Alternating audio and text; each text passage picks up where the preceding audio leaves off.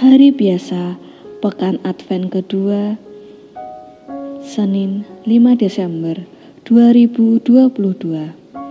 Bacaan pertama diambil dari kitab Yesaya bab 35 ayat 1 sampai 10. Padang gurun dan padang kering akan bergirang. Padang belantara akan bersorak-sorai dan berbunga. Seperti bunga mawar, ia akan berbunga lebat. Akan bersorak-sorak, ia bersorak-sorak dan bersorak-sorai. Kemuliaan Libanon, Semarak Karmen, dan Saron akan diberikan kepadanya.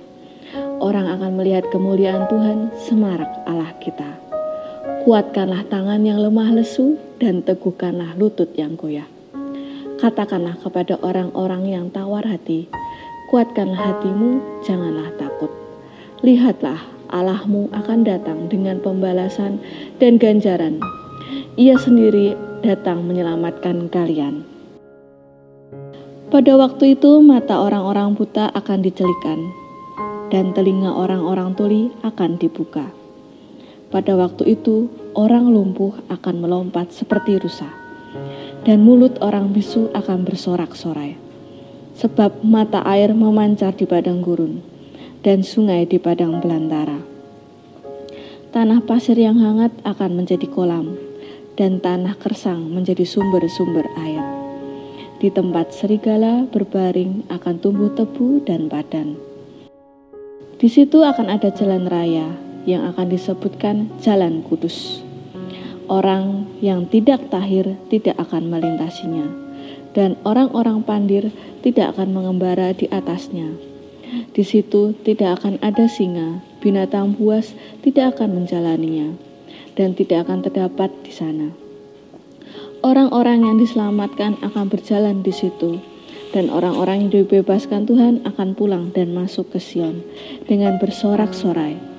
Sedang sukacita abadi meliputi mereka, kegirangan dan sukacita akan memenuhi mereka, kedukaan dan keluh kesah akan menjauh.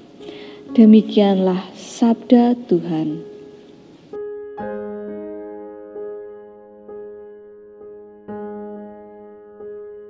Bacaan Injil diambil dari Injil Lukas bab 5 ayat 17 sampai 26. Pada suatu hari ketika Yesus sedang mengajar, ada beberapa orang Farisi dan ahli Taurat duduk mendengarkannya. Mereka datang dari semua desa di Galilea dan Yudea dan dari Yerusalem. Kuasa Tuhan menyertai Yesus sehingga ia dapat menyembuhkan orang sakit. Maka datanglah beberapa orang mengusung seorang lumpuh di atas tempat tidur. Mereka berusaha membawa dia masuk dan meletakkannya di hadapan Yesus. Tetapi karena banyaknya orang di situ, mereka tidak dapat membawa masuk. Maka mereka naik ke atap rumah dan membongkar atap itu. Kemudian mereka menurunkan si lumpuh ke tengah-tengah orang banyak, tepat di depan Yesus. Ketika Yesus melihat iman, mereka berkatalah ia.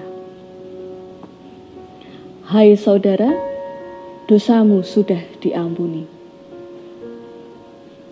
Tetapi ahli-ahli Taurat dan orang-orang Farisi berpikir dalam hati, siapakah orang yang menghujat Allah ini? Siapa dapat mengampuni dosa selain Allah sendiri?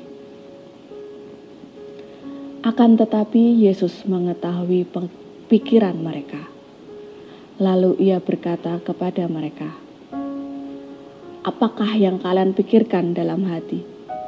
Manakah lebih mudah mengatakan, dosamu sudah diampuni, atau mengatakan, bangunlah dan berjalanlah?